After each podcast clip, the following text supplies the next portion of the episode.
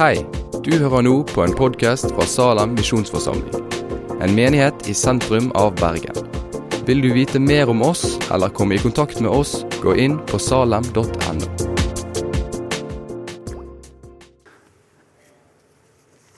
Jesus eh, hadde tolv disipler. Og På et tidspunkt så sender han ut de tolv disiplene sine vekk fra seg. og Så sender de to og to for å gå ut og forkynne Guds rike og for å helbrede de syke. Og Så sier Jesus dere har fått en gave av meg gratis. Den gaven skal dere gå og gi videre. Men, sier han, du skal ikke ta med dere noen ting. Ikke penger, ikke en ekstra stav, ikke en ekstra kjortel engang. Du skal kun ha sandalene du har på deg, og den kjortelen du har på deg. Ingenting mer. Og Så viser Jesus at dere har en gave dere skal gi, men dere skal ikke ha med dere noen ting fysisk. Fordi gaven deres den ligger i det dere sier. Den ligger i budskapet deres. Ikke noen fysiske goder.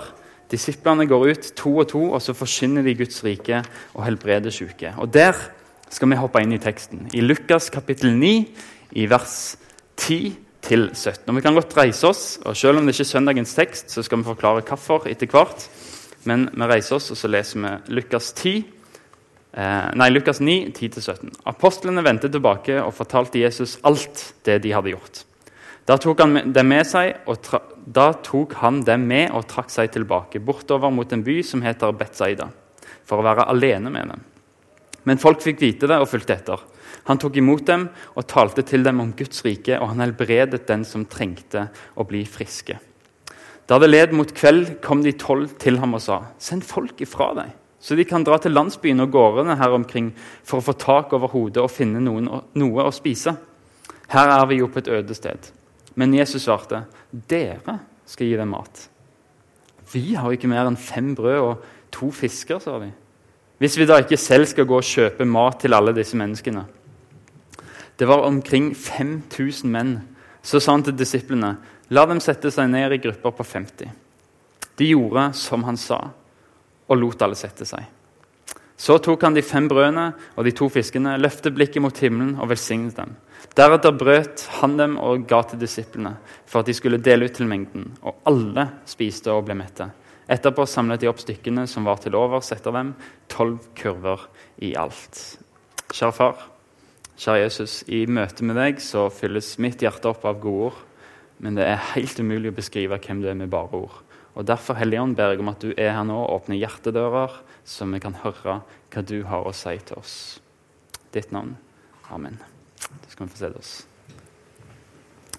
De tolv apostlene de har vært ute og forsynt, og de har helbreda. Så kommer de tilbake til Jesus og de har lyst til å dele alt som har skjedd. Og De snakker i munnen på hverandre, og de greier ikke å la være.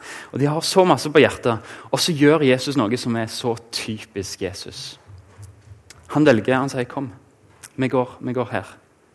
Når noen har noe på hjertet, og Jesus ser at her er noen som vil dele med meg, så, så trekker han de tilbake og så sier han, 'Kom, la oss være alene. Bare meg og deg.' Eller bare meg og oss. Og Så trekker han seg tilbake med disiplene, for han, Jesus vet hva som driver en disippel. Jesus vet at det å være med Jesus, det former mennesker til å være disipler. Han kalte de tolv disiplene, skriver Markus. Når, når, han kaller de tolv disiplene, så skriver han han kalte de sånn at han kunne være sammen med dem. Det er derfor han kaller de disipler, for at han kan være sammen med dem. Og så vet Jesus at når vi er sammen med han, så ser vi hvordan han er. Og så blir vi lik, for han former oss til å bli det som vi ser at han gjør. Og Så viser teksten at det fins en tid for å tjene. Det fins en tid for å gå ut og forsyne Guds rike. Men det fins òg en tid der Jesus sier, 'Kom, la oss være bare meg og deg'. La oss være alene. Ta deg tid til å bli forma. Ta deg tid til å se på meg. Og Marit Tingbø sa det så uendelig godt sist gang hun var i Salem i januar. sa En disippel det er en som ser lenge. Han ser mye, og han ser ofte på Jesus. Og så går han og forteller hva han har sett. Det er det en disippel er. Jesus trakk seg tilbake med sine disipler. Og Allikevel så kom det en stor folkemengde til han. Og så, Selv om Jesus har sagt nå er, det bare, nå er det oss, nå trekker vi oss litt tilbake, så viser Jesus oss enda en ting som er typisk han. Han tar imot den store folkemengden òg. Det er typisk Jesus. Han tar imot dem selv om han hadde planlagt om andre hadde planlagt at nå er vi litt alene. Han tar imot dem. Og Kanskje er det jo en disippel som, som er ofte alene med Jesus. Men jeg tror at mange av oss er disipler som ikke så ofte er alene med Jesus. Kanskje er vi sånne som kommer til Jesus når det skjer noe. Når eh, det er vekkelse, eller når Jesus helbreder, når, når det skjer store ting. Og så, ja, da kan du jo gå til Jesus. Nå, nå, er litt, nå, er det jo litt, gøy å være kristen. Du kommer sammen med den store skaren, men, men det som er så fint med Jesus, det er at eh, han tar imot deg òg. Og så sier han, 'Bare kom'. Og så underviser han deg òg, og så helbreder han. Men han ønsker deg velkommen, selv om du kommer som en av den store skaren, og ikke den som tar deg tid alene. Så ønsker han deg hjertelig velkommen. Men han vil veldig gjerne at du blir værende òg. At du ikke bare kommer og går, men at du blir værende og sånn. Han vil ikke bare ha en sånn av og på-relasjon med deg, men han vil forme deg til å bli en disippel som han kan virke gjennom. Han tar imot oss men så vil han så veldig gjerne at vi blir der òg. Til og med når, når, det blir kjedelig, når det blir tungt, når vi må forsake noe, så vil han bare ha deg der. For han vil forme deg. Legg merke til at Jesus forsynte Guds rike og helbreda syke. Han møtte ikke bare de åndelige behov i forkynnelsen. Han så òg de fysiske behovene som menneskene kom med. Han så sykdommen, han så smertene, han så lidelsene. Han så elendigheten. Jesus forkynte evangeliet, og han drev diakoni. Det er disse to sammen som vitner om hele den kjærligheten Gud har til menneskene. Ja, han elsker oss. Han vil gi oss et evig liv. Han vil se til at vi har det åndelig bra. Men han bryr seg òg om kroppen vår om det fysiske. Det som han har skapt, det òg må han forløse. Både det åndelige og det fysiske. Den fysiske delen av våre liv har òg et behov for å bli møtt av forløseren Jesus. Han ser til hele mennesket.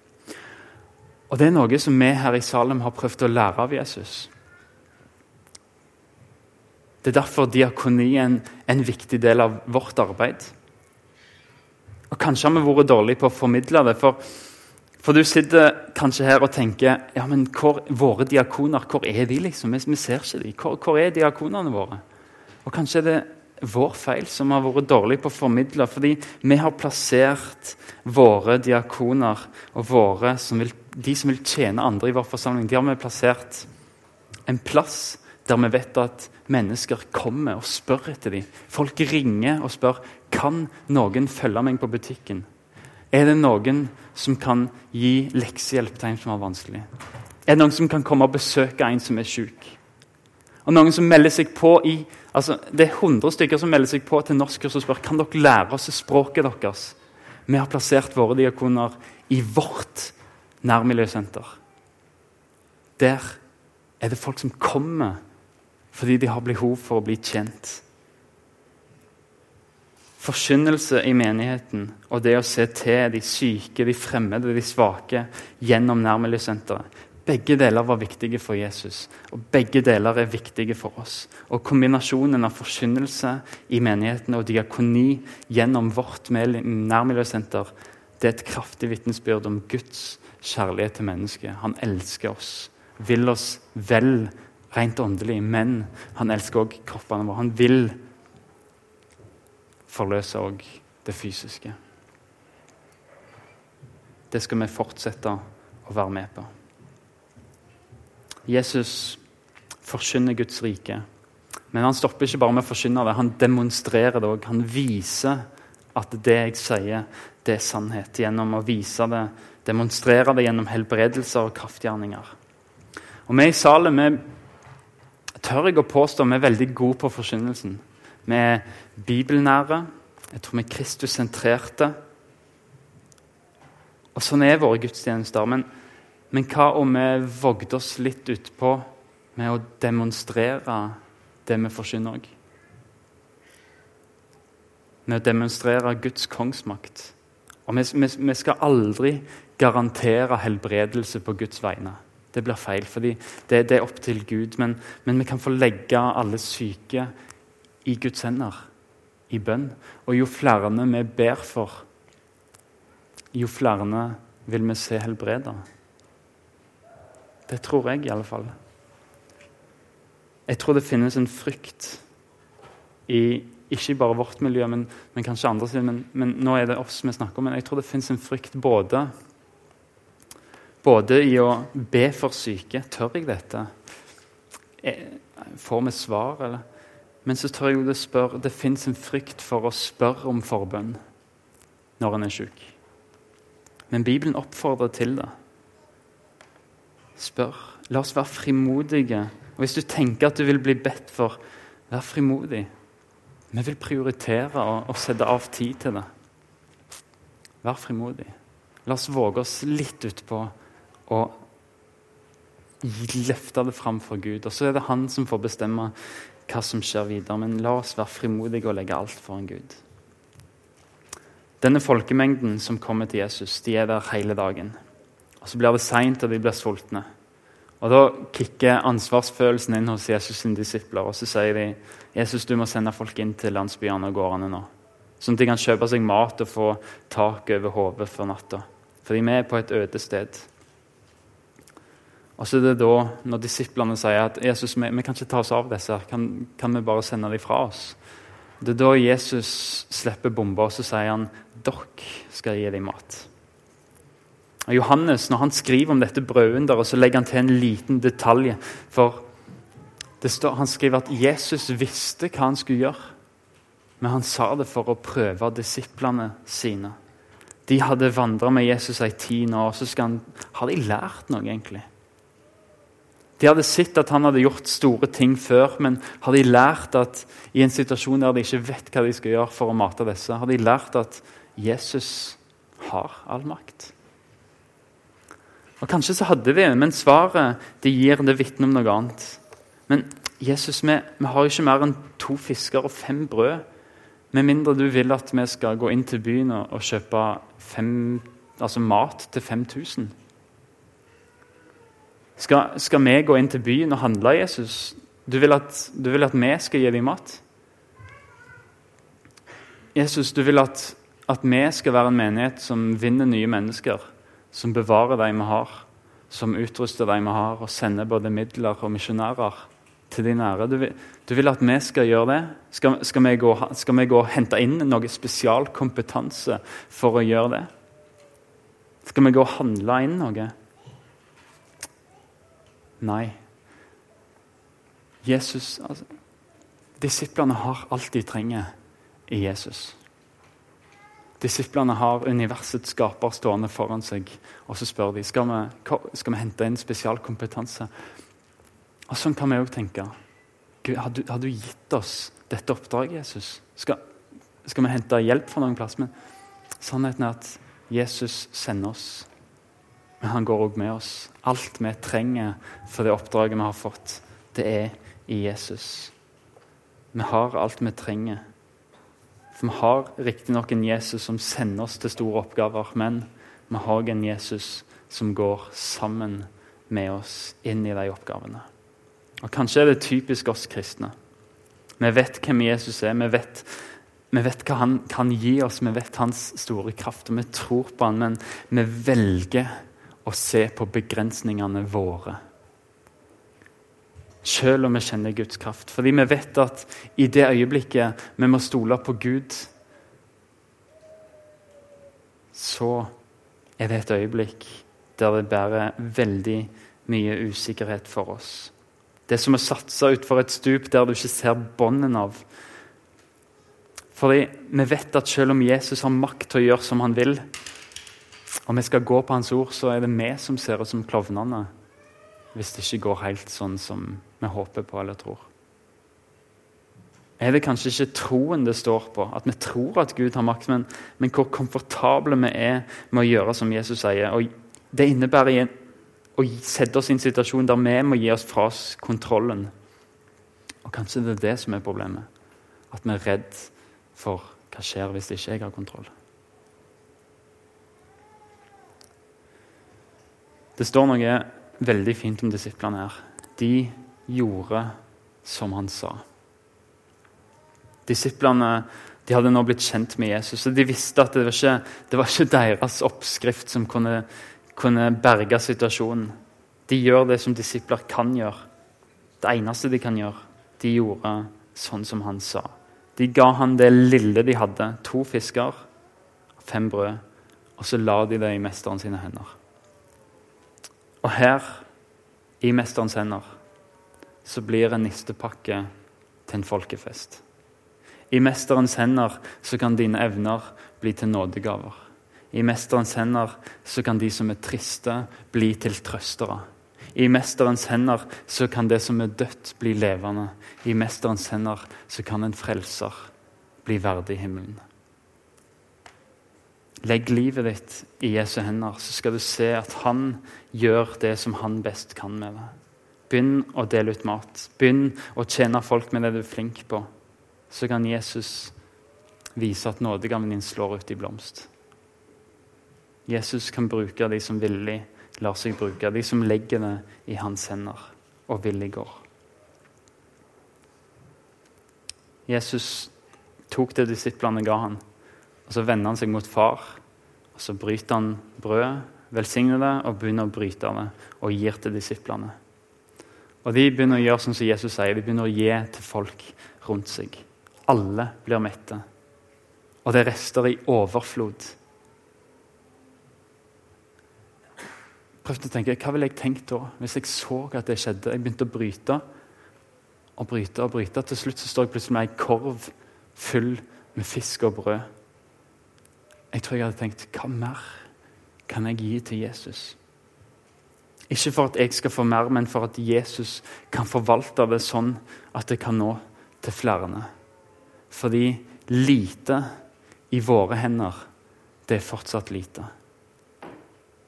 Men det er ditt lite, og det hjelper ingen. Men lite i Jesus sine hender, det er mer enn både du og de neste trenger. Hva er en god forvaltning av det vi har? Jeg tror det er å legge det over i Jesus sine hender, og så begynne å gjøre det som han har sagt. Vi kan legge merke til at Jesus ga til disiplene sine for at de skulle dele ut til mengden. Det er mye av det som er definisjonen på menighet.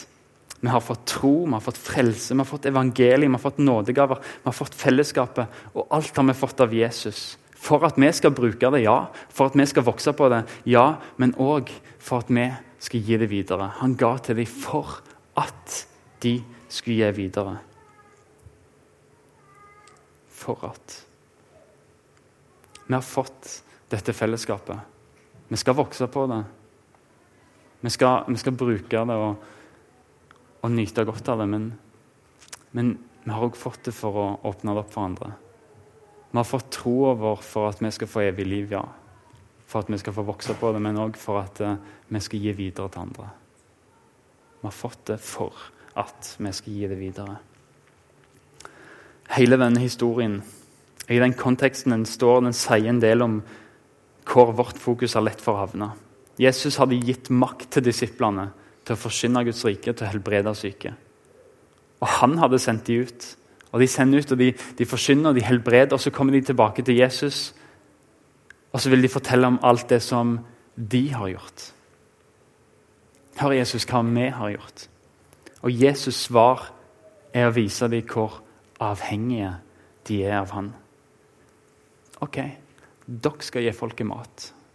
Greier dere det? Dere skal gi dem mat. Og så får de se at ok, uten Jesus er vi totalt maktesløse. Han ga oss makt til å sende oss ut, til å forsyne og helbrede, men vi tok æren sjøl. Og så viser Jesus igjen hvor avhengig vi er av ham. Det dere gjør, det er mine gjerninger, men jeg gjør det gjennom dere. Jeg gir dere makt. Jeg sender dere, og jeg går med dere. Dere gjør de, men jeg jobber gjennom dere. Og Vi har lett for å la fokuset komme på oss sjøl når vi får til noe bra. Men vi trenger å se at det er Jesus, det er Jesus, det er Jesus. Hver gang noen blir helbreda, hver gang noen blir frelst, hver gang noen finner fred, det er Jesus. Gjennom oss, ja, men aldri glem at han er disippelens kilde. Han som virker i oss til å både ville og gjøre det som etter Guds gode vilje. Det er Jesus. Vær ydmyk og takk Jesus for den som han er. Dere skal gi dem mat, sa Jesus, men egentlig så var det han som gjorde hele jobben. Men han sa dere skal gjøre det. Allikevel så ser vi at det er han som gjør hele jobben gjennom dem. Jeg vil si litt om hvordan denne talen ble til. For teksten den er blitt grunna på i til sammen tre timer. Med bare tekst og penn. Men jeg gjorde det ikke alene. Det er ikke bare meg. For jeg har gjort dette sammen med elleve andre. Vi var tolv stykker fra styret og fra stab som satte oss ned. Hver for en satte oss ned med teksten i et kvarter og bare skrev ned det som kom til oss. Og Deretter så delte vi med hverandre hva vi hadde lært av teksten. Til sammen så, altså Jeg brukte bare et kvarter på denne teksten. Til sammen så brukte vi tre timer der vi kun satt med oss og teksten. Og så delte vi etterpå. Og dette har jeg satt sammen til vennetalen. Og Jeg sier det for å oppmuntre dere til å bruke tid sammen med hverandre med Bibelen. Vær frimodige i bibelgrupper, i foreninger og i relasjoner og i de vennskap, og ikke minst i familiene. Bruk tid i Bibelen og del med hverandre hva dere ser. La oss hjelpe hverandre å se på Jesus. Vi kan begynne allerede med kirkekaffen i dag. egentlig. Hva fikk du ut av talen? La oss snakke om det. La oss snakke om det som jeg håper fyller hjertene våre. Og la oss hjelpe hverandre med å fylle hjertene våre mer med Jesus. Fordi vi er et fellesskap, og vi er her for å oppbygge hverandre. Men vi var altså tolv stykk som leste gjennom teksten. Og vi ser at den lærte oss masse. Men til syvende og sist så ser vi én ting, at denne teksten handler om én ting. Det handler om én person, og det er Jesus. Vi har en tendens til å stoppe opp med mirakler og si 'wow'. Og så har vi en tendens til å slå opp et telt med mirakler og bo der. Men sannheten er at dette miraklet og alle andre mirakler det er et tegn. Det er et skilt som viser oss videre til en person. Det viser oss videre til en person som kan gi oss evig helbredelse, som kan gi oss et åndelig brød som vi aldri mer vil ha noe annet. Brødunderet peker på Jesus sjøl. Ikke ikke sett opp et telt med skiltet, men følg skiltet dit det peker. Ikke bu med miraklet, men se på han som står bak miraklet. Jesus mette 5000 mennesker som et bilde på at han er den som kan tilfredsstille den åndelige sulten og lengselen som mennesker har. Jesus sier, 'Arbeid ikke for den mat som forgår, men for den mat som består og gir evig liv.' Den som menneskesønnen vil gi dere. Og På samme måte som Gud metta Israels folk i ørkenen med manna, med brød fra himmelen, så sier Jesus jeg er livets brød, som kommer fra Gud til menneskene for å gi verden liv. Jeg er livets brød. Den som kommer til meg, skal ikke hungre. Den som tror på meg, skal aldri tørste. Sannelig, sannelig, jeg sier dere, den som tror, har evig liv. Jeg er livets brød. Fedrene deres spiste manna i ørkenen, men de døde. Det brød som kommer ned fra himmelen, er slik at dem som spiser av det, ikke dør. Jeg er det levende brød som er kommet ned fra himmelen. Den som spiser av dette brødet, skal leve til evig tid. Og det brødet jeg vil gi, er min kropp, som jeg gir til liv for verden.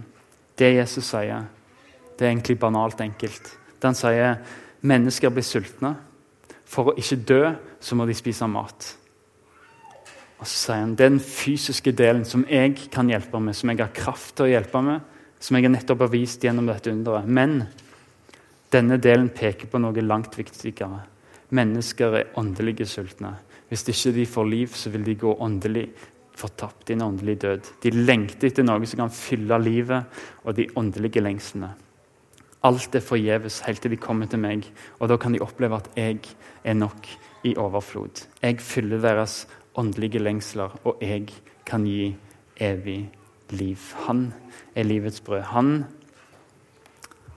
som tok imot brødet fra disiplene, så brøyt han det brødet, akkurat som hans egen kropp ble brutt på korset for at vi skulle leve, så sa han del ut dette til mengden, sånn at de kan bli mett. Og Så sender han oss ut med budskapet om at han som er livets brød, sånn at de kan få evig liv. Den som tar imot den kroppen han ga på korset, som ble sønderbrutt som et brytebrød, skal få tilgivelse og evig liv. Vil du tro det, så har du tatt imot det. Det skal vi be. Kjære far, takk for at du ser til oss både åndelig og fysisk.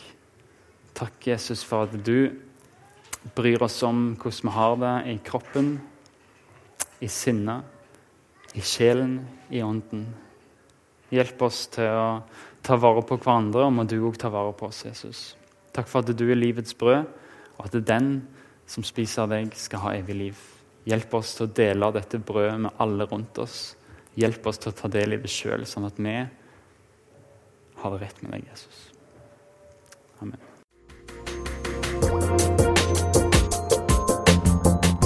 Takk for at du har hørt på podkasten fra Salem, Bergen. I Salem vil vi vokse i et stadig dypere fellesskap med Gud og med hverandre. Vi vil være Jesu hender og føtter, og vi vil være med å forkynne frelse for Bergen og resten av verden. Besøk oss gjerne på salem.no om du vil vite mer.